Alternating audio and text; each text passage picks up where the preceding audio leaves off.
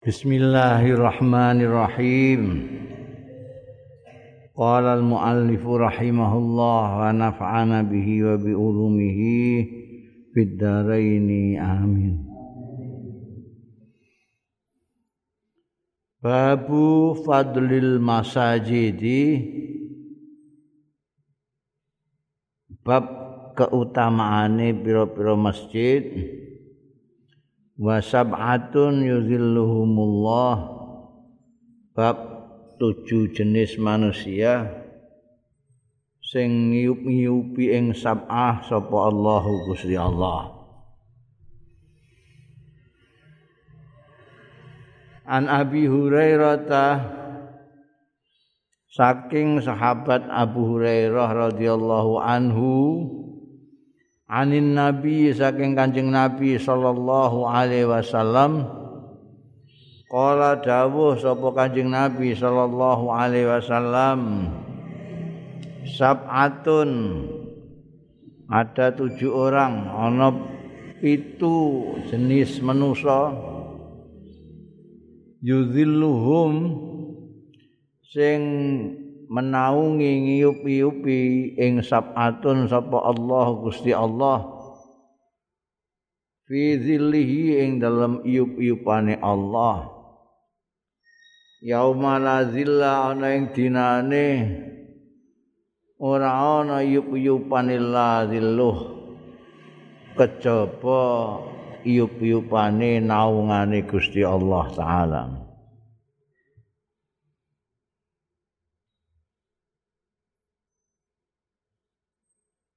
Jadi nanti itu bayangkan saja dunia ini tidak ada wit-witan, tidak ada gunung, tidak ada rumah.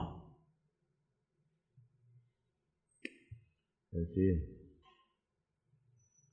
nek saiki kan kowe nek kepanasan iso mlayu ning omah, iso mlayu ning ngene ngisore wit, iso ning dindi. Nanti kalau entak-entak, ndak ada rumah, ndak ada tumbuh-tumbuhan, ndak ada gunung, ndak ada watu. Terus ngiyupe ning ndi Jadi pada waktu itu ada iup-iupan Gusti Allah Ta'ala diperuntukkan untuk tujuh orang jenis tujuh ini. Apa kalbu pora aku delok ning kene iki Yang pertama al-imamul adil. Imam yang adil. Imam itu penguasa. Penguasa yang adil. Boleh juga lah pejabat lah mulai presiden, gubernur, bupati itu sing adil.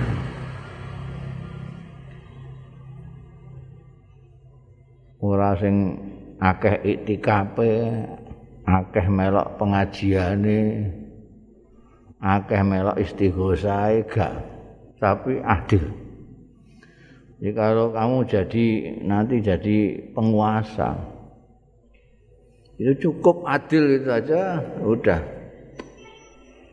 Termasuk tujuh orang yang diiup-iupi dinaungi pada saat tidak ada naungan kecuali naungannya Allah jadi al imam kan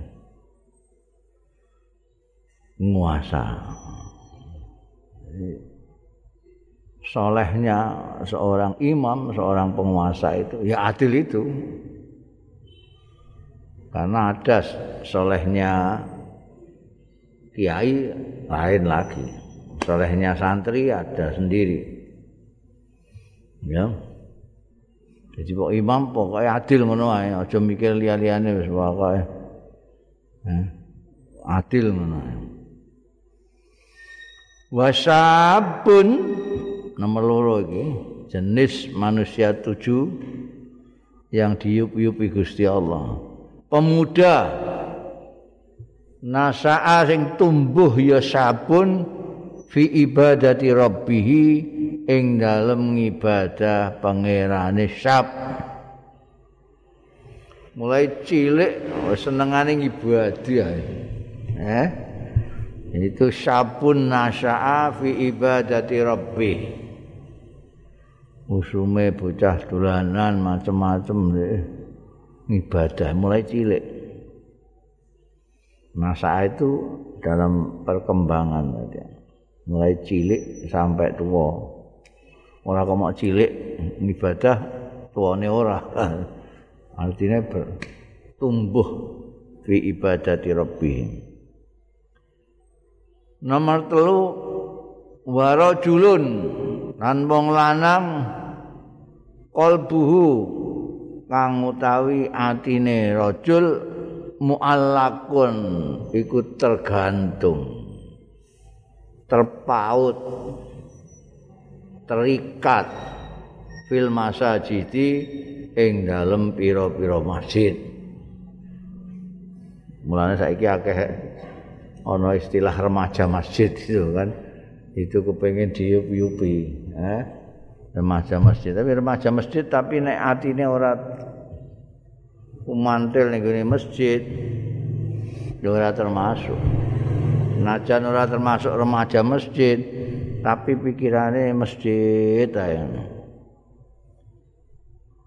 Masjid. Janji ning dindi sing goleki pertama kali masjid. Iku rajulun qalbuhu muallakun bil masajid. Masjid itu menjadi obsesinya dimanapun dia berada selalu yang dicari masjid. Ini masjid adalah apa? Masjid tempat sujud. Ora kok masjid tempat tidur. Oh, terus kumantil ning gone masjid tapi kanggo turu. Warajulani lan dua orang, ini dua orang sekaligus diupi-upi Gusti Allah. Wong lanang loro tahabba sing saling menyintai fillah ing dalam Gusti Allah. Ijtama'a kumpul ya rajulani alaihi ing atase Allah wa tafarraqa lan pisan ya rajulani alaihi ing atase Allah. Orang itu berkawanan sampai dengan saling menyintai itu ada motif-motifnya itu kan ada. Ada motif finansial materi ono saling menguntungkan ini seneng karo orang itu karena gawe ini diperseni ya ono sing ono sing seneng mergo diangkat. Jadi pegawai pokoknya macam-macam lah. Ini tidak dua orang ini saling menyintai villa. Tidak ada urusan baik lihat-lihat Gusti Allah nggak ada ya, karena Gusti Allah memerintahkan untuk saling menyintai melewati dawuh rasulnya anjing rasul sallallahu alaihi wasallam memerintahkan kita umatnya untuk saling menyintai. Karena itu dia menyintai saudaranya orang mergo gantengnya orang mergo ayune orang mergo pintere orang mergo apa-apa ini pokoknya karena Gusti Allah. Jadi nek kalaupun dicari-cari kamu kok seneng mbek iku wah aku nek ndek niku senenge aku ya mergo ndekne ngelingno aku ning Gusti Allah terus. Nek gak sembayang zikir ngandani sing apik sak piturute. Yang urusane kaitane mbek Gusti Allah tok. Ketika kumpul maupun pisah. Ketika kumpul itu ya villa ketika pisah juga Allah. Jadi tidak ada yang memisahkan ana biasane njajakno saiki ora. Wis pisahane pisahan. Eh, iku. Ora. Biyen apa jenenge ana urusan pilkada dadi ndukung dadi kanca saiki wis ora ora. Dukungane wis pindah. Hmm. Nah, ini enggak. Ketika bersama-sama juga Allah ketika berpisah juga Allah semuanya Allah taala. Ngono wong sing ngono iku dadi janji sing dirembuk ya mesti urusan sing ana kaitane mbek Gusti Allah. Mergo dia berkawan itu lillah fillah Allah tidak ada urusan apa-apa. Nek ngandani ya lillah mengikuti jejaknya ya lillah. Karena jejaknya patut ditiru sesuai perintah Gusti Allah. Ya apa-apa Gusti Allah. Ora ana liyane. Nah, ini sekarang kan sudah jarang zaman sekarang ini orang berkawanan itu fillah. Istama'a Allah waftaraqa 'ala Allah sedikit sekali. Mereka mesti ada kepentingan-kepentingan khusus kenapa mereka berkawanan. Iki sing dinaungi Gusti Allah iku. Warajulun lan wong lanang tolabathu sing nuprih ing rajul sapa imraatun wong wedok zatu mansibin sing duweni derajat kedudukan wa jamalin lan kecantikan Fakola mongko ngucap sapa rajul inni akhafullah stune ingsun iku wedi ing Gusti Allah. Iki kaya Nabi Yusuf. Nabi Yusuf iku dikersakno mbekan Siti Zulaikha yang mempunyai mansib cantik ya, cantik punya kedudukan, martabatnya bojone apa? Orang nomor satu di Mesir. Nabi Nabi Yusuf ini akhafullah ana wong lanang diminati mbek perempuan yang cantik berkedudukan punya martabat tapi dia nolak. Inni akhafullah. Ini nanti dipayungi mbek Gusti Allah taala. Fi yaumin la dhilla illa dhillu ngangel iku. Angel. Lah sing ngoyak-ngoyak iku elek ngono. Ya gampang ora gampang. Ora usah anu mo mo belum-belum malah melayu ya malah melayu malah.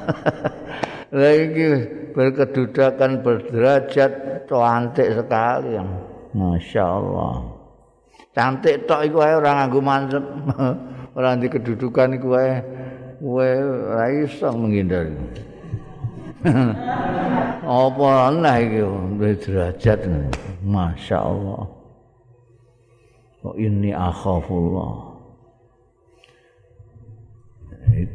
Itu bisa dilakukan oleh orang yang makrifat kepada Allah taala. Yang makrifat mbek Gusti Allah itu. Lane engko dipayungi mbek Gusti Allah karena makrifat kepada Allah. Jadi dia takut nama Gusti Allah itu. Karena kenal Gusti Allah. Kenal Gusti Allah.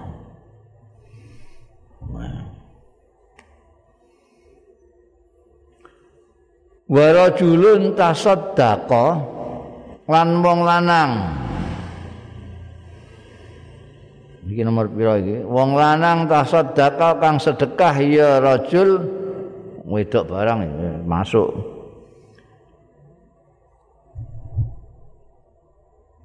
Akhfa sing delikno menyembunyikan ya rajul hatta la ta'lama sehingga orang ngerti apa simaluhu kiwane rajul ora ngerti ma ing barang tumpiku sing ngenfakno apa yaminuhu tangan tengene rajul ini termasuk orang-orang istimewa. Juga yang masuk golongan tujuh jenis tadi. Wong sing sedekah dan menyembunyikan sedekahnya sedemikian rupa sampai ibaratnya tangan kanan sedekah tangan kiri ndak tahu ndak ngerti nek tangan tengah ini saking anggone nyimpen ya. Mbok tutupi ngene, ya tetep ora malah mbok tutup kok kiwamu, eh? Marah iku. Allah roh nek sing mbok sedekah mok sithik. Ditutupi ngene ben konangan nek sithik. Gayane ditutupi kuatir kita atusan padahal ya sewu. Orang kemungkinan diketahui orang. Biar Allah yarham. Kiai Bisri Mustafa itu mah Bisri itu memberi contoh nek kowe kepengin sedekah sing ora diketahui kanan kiwa gak ngerti. Kowe ning pasar. Pasar mau tuku iwa apa semongko apa terong? Kowe sing ngerti regane terong. Terong itu mono iku paling ya 5000 pondok itu kira-kira lima ngewu. Gue ngerti. Takok no. Ini muni sepuluh hewu. Bakule. Puluh hewu. Gue ngerti nek lima ngewu. Untuk ngenyang. Nek pitung ngewu lima ngatus angsal lambotan. Masih bakule mesti ngerti. Lho, kulaane mon pun 8000 kok, mesti ngono dene. Nggih pun, nggih pun 8000 pun. Tambahi 500 ah. Eh, enggak. Jadi kowe ngerti nek regane 5000, mbok tuku 8500. Kowe sedekah 3500. Tanpa diketahui sampai sing mbok sedekahi bareng ya ora ngerti malah kowe nek bendina ana wong bintu kaya ngene iki ya. Kelis sugih aku iki ngono. Dibentok-bentokno mbek anu wong kowe. Ora tau ning pasar tek blonjo barang mbok sering-sering ana wong bintu kaya ngene iki. Dibentok-bentokno mbek sing. Oh, itu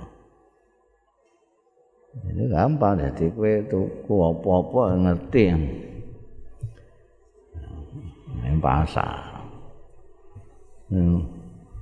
Gak kok nih puasa terus ngenyangin neritik mulai sepertelon. Ya Allah. Eh? Niku. Padahal nek ning Indomat ora tahu ngenyang blas. Langsung duit. Padahal iku wong sugih sing dodol Indomaret. Iku walik-walik tuku ning pasar asah mbok nyang utawa dinyang tapi sing mesti dikekno. Berarti kalau nek dikekno ini wis bati gitu. Mujo kok malah wis ini nunggoni kates saya mau rong iji kok. Untuk ngenyang ngantek neritik ngono iku. Sakake. Eh? Mau loro tok iku sedina nek tunggu niat mau orang iku tok iku ora. Mungkin ya tok ngundah dhewe ning gone kebone ndekne. Oh, ditunggu ni wonge tuwek ora karuan. Ngono. Kok dinjang ngantek neritik. Wis mbak tinggal lunga barang diundang neh. Ya wis rene nah, nah Kang. Piye oleh buka? Tambah sithik ah. Emang ya wis wis ngono. Ngono iku. Wong wedok-wedok sing biasane ngono iku. Itu mbah seni mbah hobi. hobi. Mergo darani tenanan ya wong ning Indomaret ora tau ngenyang. Ning pasar mesti nek gak hobi ya. Apa jenenge? Seni, senine ngenyang itu. Karena kowe nek ngenyang iku mulai kok sepertelan ngono lho, Dik, oh diwarai malah. Yang ketujuh warajulun zakarallaha khalian fafadat ainau. Oh. Wong lanang wong wedok juga zakarallah sing eling sing nutur sing zikir Allah khalian hale persepen fafadot mongko dileweran apa ainahu mipat lorone rajul dileweran ya air matanya bukan matanya. Ya.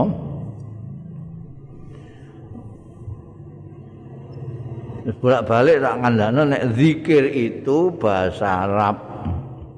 Bahasa Arab zikir itu secara bahasa lughatan mempunyai dua makna. Karena aku tahu kondo nek bahasa Arab itu keistimewaannya dia punya kosakata yang banyak sekali, maknanya cuma satu. Kosakatanya banyak, maknanya cuma satu. Kayak unta. Ono kosakata jamalun, ibilun, nakotun, rohilatun, wah pirang-pirang. Satu selawe kosakata maknane unta. Nek unta itu sudah lumayan. Ning kono pancen pirang-pirang unta itu. Jenisnya juga macam-macam. Sing rada nggumunno itu macan mbek singa iku. Ora tahu kaji kok cerita ketemu macan enggak tahu. Alung ning Jakarta ngono ya ana sing cerita. Aku bal ning gune rangunan delok macan. Nek kaji umroh ora tahu cerita. Tapi itu tidak kurang dari 75 kata. Sing maknane macan. Yo, namrun namirun. Laisun Haidaratun Sinan Itu pirang-pirang 75 kata Maknanya masih tak. Sebaliknya Ada satu kata Yang maknanya banyak. Ada satu kata Yang maknanya dua. Dan berlawanan satu sama lain. Iku ana istimewa jenenge kalimat adat itu adalah kalimat-kalimat yang mempunyai makna ganda yang berlawanan. Iku ana sak kamus dhewe. Adat itu. Kayak Quran. Quran itu bisa bermakna bersih, bisa bermakna kotor. Mulane ahli fikih berbeda pendapat persoalan khed. Berhentinya itu berapa hari ngitungnya kok kotor apa kok bersih itu mergo Quran itu bisa bermakna bersih, bisa bermakna kotor.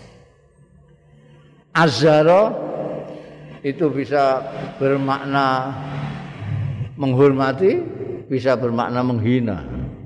Dan ngerti ini, ya ndelok si akal kalam.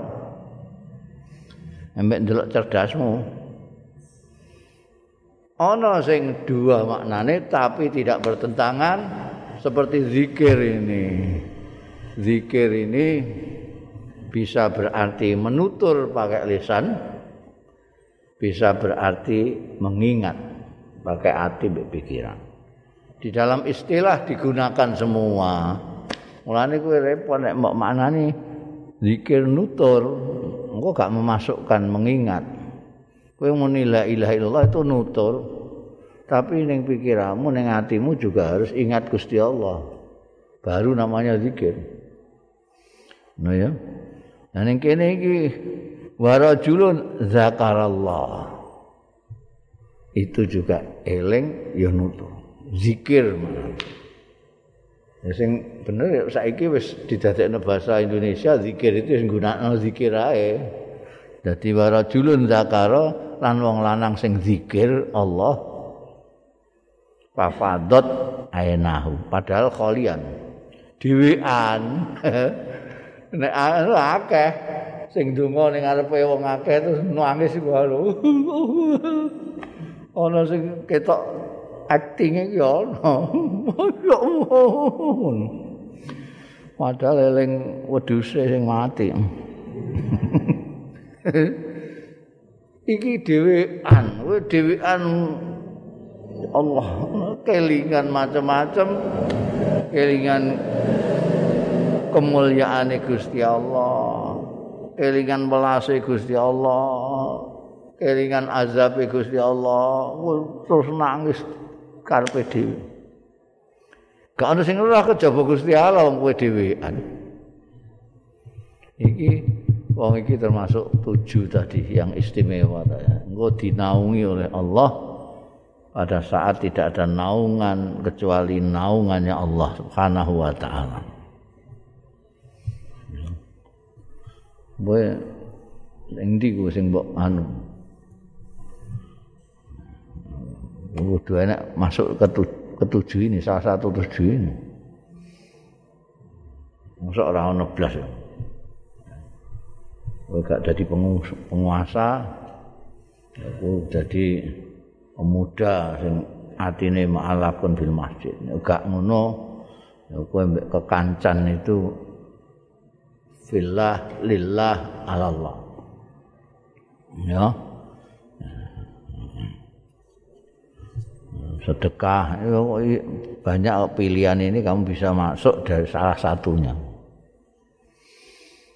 tidak usah semuanya. Satu saja itu sudah masuk yang dinaungi.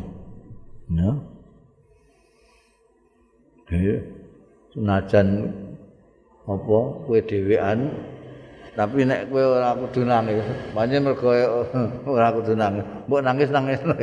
Ora iso. Ora iso. Karena eling Gusti Allah itu segala asma segala sifat-sifat Gusti Allah. Kamu ingat semua. Nanti dosan air matamu itu bisa karena terharu bisa karena takut bisa karena wedi karena segan dan lain sebagainya. Budal babu idza hadarat ta'am. Bab tetkalane teko apa ta'amu makanan iki senengamu iki. Teko makanan iki. Ayo ayo teko makanan iki bab sing nyenengno iki. An Hisam bin Urwata. Saking Hisam bin Urwah Kala ngendika sapa Hisam bin Urwah sami tu Aisyata mireng sapa ingsun Aisyata ing Sayyidatina Aisyah anin Nabi saking Kanjeng Nabi sallallahu alaihi wasallam annahu setuhune Kanjeng Nabi sallallahu alaihi wasallam qala dawuh sapa Kanjeng Nabi sallallahu alaihi wasallam idza wudi al asya ya tetkalane diselehke apa al asya'u asya itu makan malam ya makanan malam. Wa ukimat barengan karo dikamatine apa as-shalatu sembahyang? Wa ukimat lan dikomati apa as-shalatu salat? Endi sing dhisikno salat apa mangan sik? Fabda'u monggo ngawitana sira bil asai kelawan makan malam eh gak seneng piye kowe? Saya sering mengatakan bahwa agama kita itu agama yang manusiawi. Agama yang manusia itulah ini.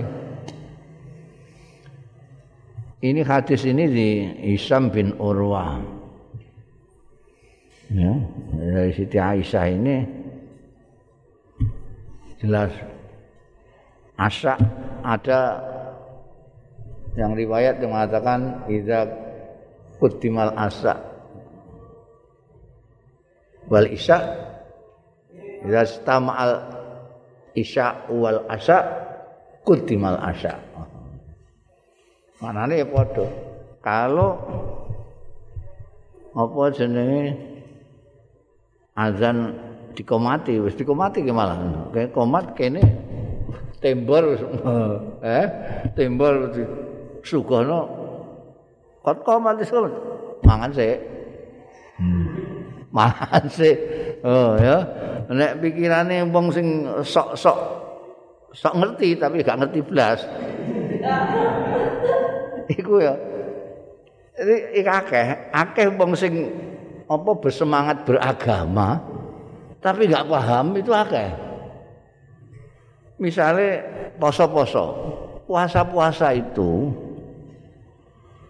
puasanya Islam itu puasanya manusia. Sangat manusiawi. Manusia itu oh gak uang loh, manusia. Artinya umumnya uang. Manusia itu maksudnya umumnya uang. Orang kok kowe atau kancamu atau dulurmu gak. Umumnya manusia, manusia. Umumnya uang. Umumnya uang itu nek sedina ramangan diolehi mangan. Itu kira-kira cepet-cepetan apa ngkongko? Pasti cepet-cepetan. Mergo umum. Nek ana wong sedina ramangan di olehi mangan, engko ae engko ae gak normal iki. Ora kok lebih islami gak ya mergo bodoh atau apa jenenge ora normal. Lah cepet-cepetan buka iku untuk bonus. Ning ngene agama Islam iku wong sing ndang gagenan buka iku untuk bonus. Yaiku bonuse takjilul futur. Kesunatane takjilul putu. Seesok kowe ora mangan sedina, ndak boleh makan seharian. Itu enaknya makan saiki, apa engko jam 12, apa engko marek-mareke subuh. Nek menungso lumrahe wong ya engko sing cedak-cedak subuh ae. Dadi esuk iki wis isih antep. Eh, jam 09.00 isih antep, jam 10 isih antep, jam dhuwur barang isih antep wong bas ngadepno subuh. Kok sahur mau. Sing ora ngaji, semangat beragamane hebat tapi gak ngaji. Ya ini kok sahur. Ya padha karo sarapan ngono.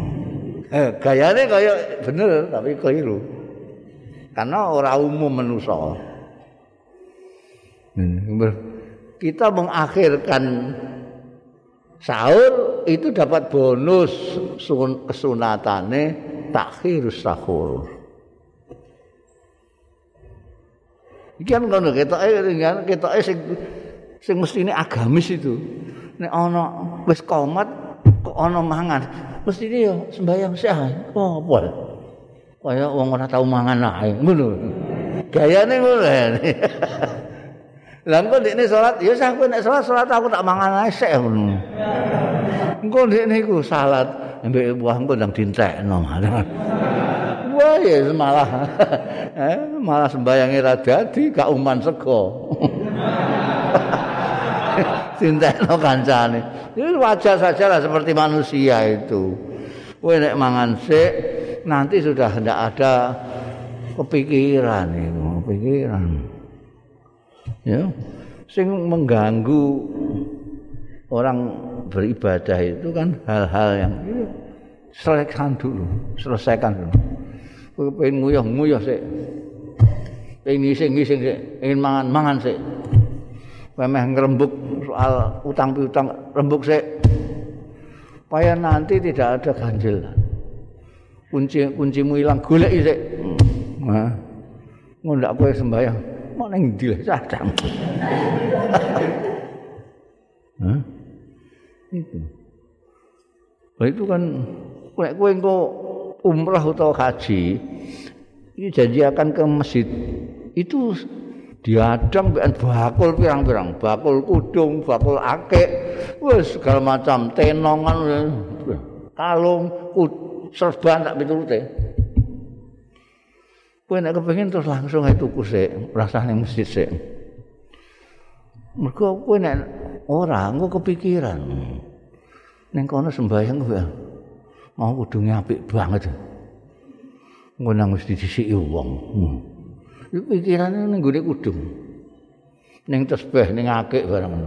Nek kowe seneng akik tuku sik langsung ngono engko lagi ning masjid. Nek ora sing terganggu ibadah. Bahasa santri ini yang digunakan lebih baik makan eling sholat daripada sholat elingan makan. sholat elingan sego terus saya. Wah, imamnya kok suwi ini adem itu enggak? Mana? ilaha illallah iku madhep Gusti Allah jare. Mikir sego adem ya mateng aku. Ya. An Ibni Umar saking sahabat Abdullah bin Umar. Kala ngendika Ibnu Umar, kala Nabi dawuh sapa Kanjeng Nabi sallallahu alaihi wasallam Idza kana ahadukum tatkalane ana sapa salah siji ro kabeh alat to'am ing atase makanan kowe wis ngadep tembor para yakja mongko aja kesusu. Hatta yak dia hajat tahu sehingga memenuhi merampungi sapa ahadukum hajat tahu ing hajate ahadukum minhu saking to'am. Selesaikan makanmu dulu jangan kesusu wa in uqimati shalah lan sejajan wis dikomati apa as-shalatu sembahyang ngene ya. Wah kok wis wis komati? Terus kesusu ora usah. Manusiawi sekali loh. Manusia sekali. Kowe nek mangan alat to'am. Kana ahadukum alat to'am kamu sedang makan maksudnya. Kamu sedang makan jangan kesusu kalaupun sholat sudah dikamati. Kok kamati waduh. Kenapa? Ya itu tadi. Nek gue terus ijik langsung sembayang iku terus pikiranmu bisa tetap nih gue mau. Iku mau ndoke durung tak pangan sih. Eh. Enggak disiki kancaku piye no. Oh. Wah, macam-macam pikiran ini gue makanan. Itu. Ya. Yung api ngene oh dadak digawe sing angel-angel masyaallah manusiawi sekali.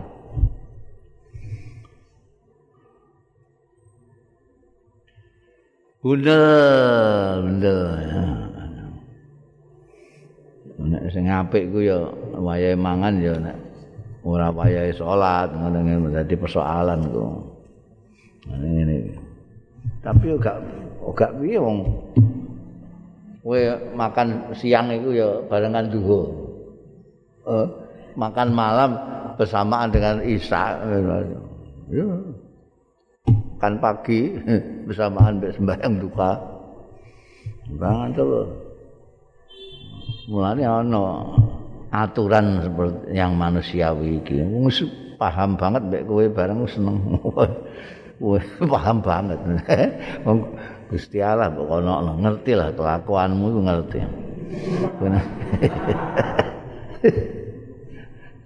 Eh ana wa in uki mati aja kesusu, rasa kesusu, kesusu. Eh, malah kesusu. Engko malah kesel kabeh kowe engko. Babu idza du'yal imam ila salati wa biyadihi mayakul. Iki bab lain lagi. Idza du'ya tatkalane diaturi sapa imamu imam ila salati marang sembayang wa biyadi ana ing astane imam ma barang yakulu sing dahar. Eh? Imame lagi dahar siatu mereka sampun kempal sedaya badhe kun komati imame sing diaturi. An Ja'far bin Amr bin Umayyah. Saking Ja'far bin Amr bin Umayyah anak abahu setuhune ramane Ja'far bin Amr bin Umayyah Siapa ramane? Ya Amr bin Umayyah itu. Kala ngendika sapa Abu rujuke ning Abahu ya. Mergo sing menang sing menangi Kanjeng Rasul sallallahu alaihi wasallam iku Amr bin Umayyah. Ja'far putrane. Anna Abahu kala ngendika sapa Abahu? Ra'aitu Rasulullah. Ningali sapa ingsun Rasulullah ing Kanjeng Rasul sallallahu alaihi wasallam. Tak tingali yakulu ingkang dahar Kanjeng Nabi diraan ing sempel sempel wedhus senengane wong Arab kan wedhus sempel wedhus Yahtazu motong sapa Kanjeng Rasul minha saking dira. Jadi sempole wedhus iku Kanjeng Nabi lagi ngiris ngiris. Yahtas ngiris. Sempol. Di sate apa ya Fadu iya mongko diaturi sapa Kanjeng Rasul sallallahu alaihi wasallam ila salati maring sembahyang. Sampun badhe komat Kanjeng Rasul faqoma mongko jumeneng sapa Kanjeng Rasul sallallahu alaihi wasallam. Patara khasikin mongko nyelehake sapa Kanjeng Rasul sallallahu alaihi wasallam. Asikina ing pesone sing dienggo ngirisi mau lho sing dienggo yahtaziraan mau. Fasalla mongko sembayang sapa Kanjeng Nabi walam yatawaddo lan ora wudu dhisik sapa Kanjeng Nabi. Maksude ngiris-ngiris ngono aniku ora batalno wudu gitu lho. Maksude ora kok dari tadi memang enggak wudu, enggak. Nanti nanti Nabi duwe wudu iki nek dahar ameh nyate bareng ngono iku mungkin ada orang yang berpikiran wah itu gak wudune apa enggak enggak wudu. Pasal sembayang walam ya tawaddu seleh ngono ae anu niku peso sing diagem ngiris-ngiris zirok ziroknya ambing itu tadi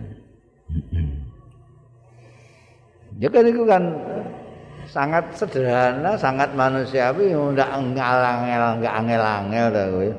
Enggak angel wah ana sing was kudu baleni wudune nganggo kelambi apa jenenge takwa sapi turute ngono iku lah apa biasa ngono ae kaya Kanjeng Nabi Muhammad sallallahu alaihi wasallam Bareng pawon ngene-ngene diaturi sampun anu. Oh iya. Langsung ngimami. Heeh. Ini mbok perhatekno semua perilaku atau dalam bahasa Arabnya sunnahnya Rasul Sallallahu Alaihi Wasallam itu manusiawi sekali, manusiawi sekali. Mulane disebut-sebut sebagai agama kita itu dinul fitrah. Fitrah itu artinya kedadiane manusia itu. Nah, mulane nek delok apik karo tangga lumrahe menungsa. Apik karo tamu lumrahe menungsa. Kok wong ora ngerti agama Islam lah gak ngaji takrib wong percayane. Nek ana tamu ya dene mesti ngormati. Tangga ya apik. Bojo apik. Itu ibadah kabeh. Ibadah kabeh. Apik karo tangga apik karo tamu apik karo bojo iku ibadah. Padahal karo bojo Mergo apa? Mergo manusa. Nek kowe mbek kethek ya ora. Gimana? Mbek bojo. Nah, ya. Itu begitu. Agama manusiawi. Nek sing mulane aku wani muni kok ana wong serbane sak bantrek perang percaya. Jenggote sak dodo. Tapi terus fatwa sing di luar kemampuannya manusia secara umum wis mesti karangane dhewe. Ora saka Kanjeng Nabi Muhammad sallallahu alaihi misale kalau Anda sekalian mau selamat dunia akhirat berpuasalah dua hari dua malam tanpa buka tanpa sahur. Ini ngarang mesti ngarang. Ngarang. Karena itu bertentangan dengan fitrahnya manusia Oh ya. Jadi dengan makna yang sederhana, kowe dadi manusia biasa ngono ae wis wis wis wis beragama dengan baik ngono. Kok kowe model-model malah ora. Model-model turu sikile ning dhuwur barang ngono iku. Turu bantalan ri barang ngono iku. Iku ana sing tambah ono agama sing tambah rekoso tambah akeh ganjaran iku ono. Turu krasa ganjarane luwih akeh timbangane turu kasur. Turu ning lemah ganjarane luwih akeh timbangane ning gone krasa. Turu ning lewi, uh, ganjarane wakih banget. gone Islam mau Angger sing cocok karo manusa ya siku. Mulane ana gandeng bojone desane melatali. Bangsa ngono-ngono iku ndek iku kan manusa biasa. Mun sahabat biyen ngantekan gawok nyuwun peso mek Kanjeng Nabi. Lho, kumpul kali bojone kok untuk ganjaran. Ya karepmu dhewe. Lah kumpul karo tanggamu. Iku mulai Gusti Allah iku ngono diatur iki gak oleh iki. Kowe gak oleh riba ana baik. Ana ana kabeh. Gak oleh zina ana kawin. Komplit. Monggo manusa di penuhi semua. Wis nerjang-nerjang ya wonge. Babu mangkala liyu'adzin fis safari mu'adzinun wahid. Bab wong sing ngendika supaya ngazani fis safari ing dalem lelungan sapa mu'adzinun wahid sapa wong sing azan siji. Ya siji aja azan An Malik bin Huwairis saking Malik bin Huwairis. Malik bin Huwairis ini abad sing asalne dadi anu eh? Dadi kepala suku lah kepala suku. Ana suku Lais itu mulane disebut Malik bin Huwairis Al-Laisi. Itu karena dia dari suku Lais. Iki beliau yang sumber dari hadis ini. Ata itu sowan sapa ingsun an nabiya ing Kanjeng Nabi sallallahu alaihi wasallam. Fi nafarin ing dalem rombongan min kaumi saking kaum. Nafar itu mulai dari 2 sampai 10 itu nafar. Ya, rombongannya sekitar itu. Beliau satu di antara mereka yang dari Lais itu. Fa'aqamna indahu mongko manggon depo kita dijamu Kanjeng Rasul. Faqamna indahu ana tandingi Kanjeng Rasul sallallahu alaihi wasallam isrina lailatan 20 apane lailatan wong ini. Biyen Kanjeng Nabi itu ketamunan biasa. Ketamunan ngantek nginep beberapa hari bahkan ini 20 hari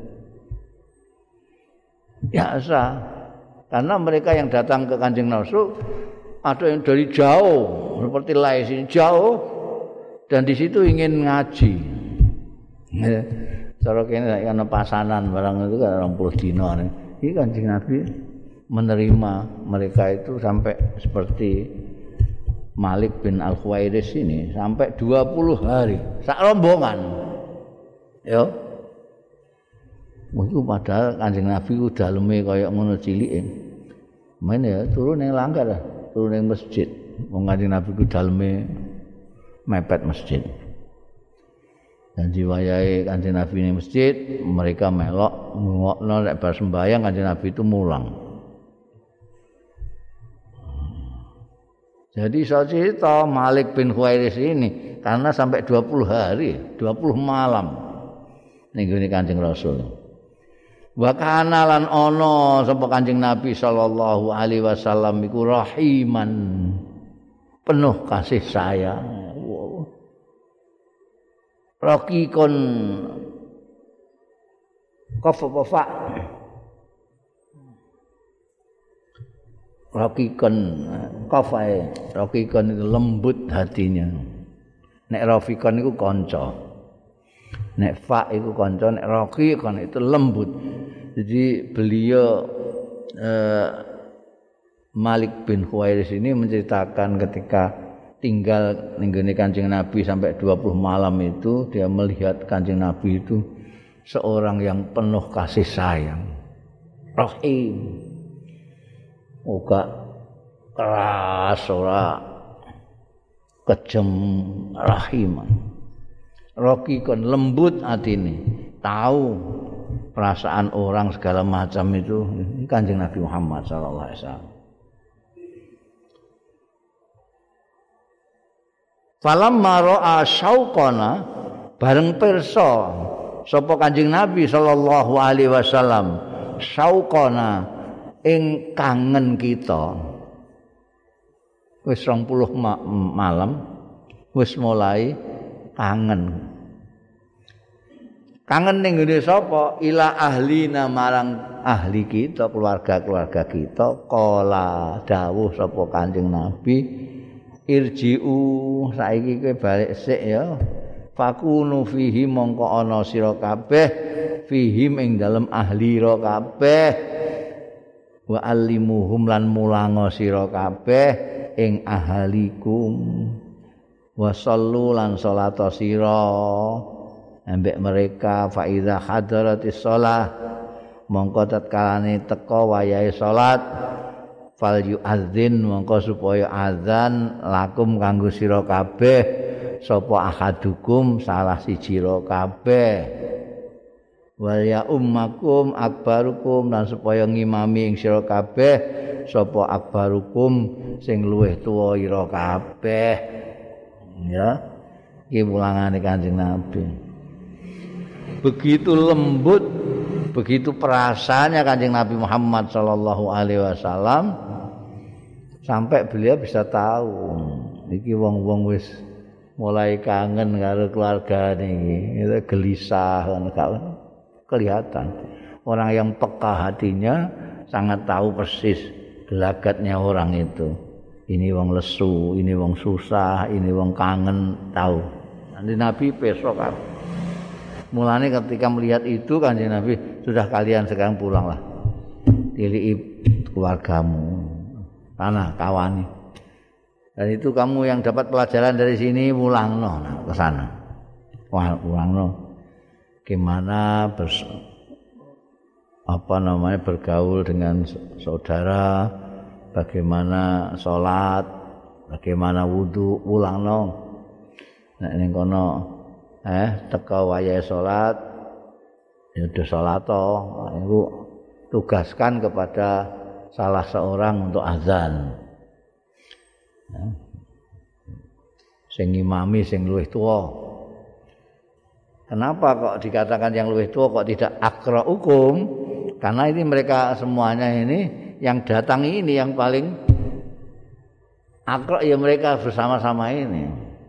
Karena sing sing ngaji ning Kanjeng Rasul sallallahu alaihi wasallam ya beliau dengan nafaran itu kira-kira sembilan orang. Dan ini dipilih yang tertua karena soal ngilmu sembayang barang itu podo ini. Kemudian aturan kan apa? Ono hadis-hadis banyak liane kan. Karena itu ahli fikih itu sebakas siapa yang ngimami. Nek ana sing akra sing lebih bisa membaca baik bacaannya yaitu yang imami kalau sama ya yang tua. Goleki sing sing luwih tua sing kongkon ngimami ya. Babu azhab ila salati wallahu a'lam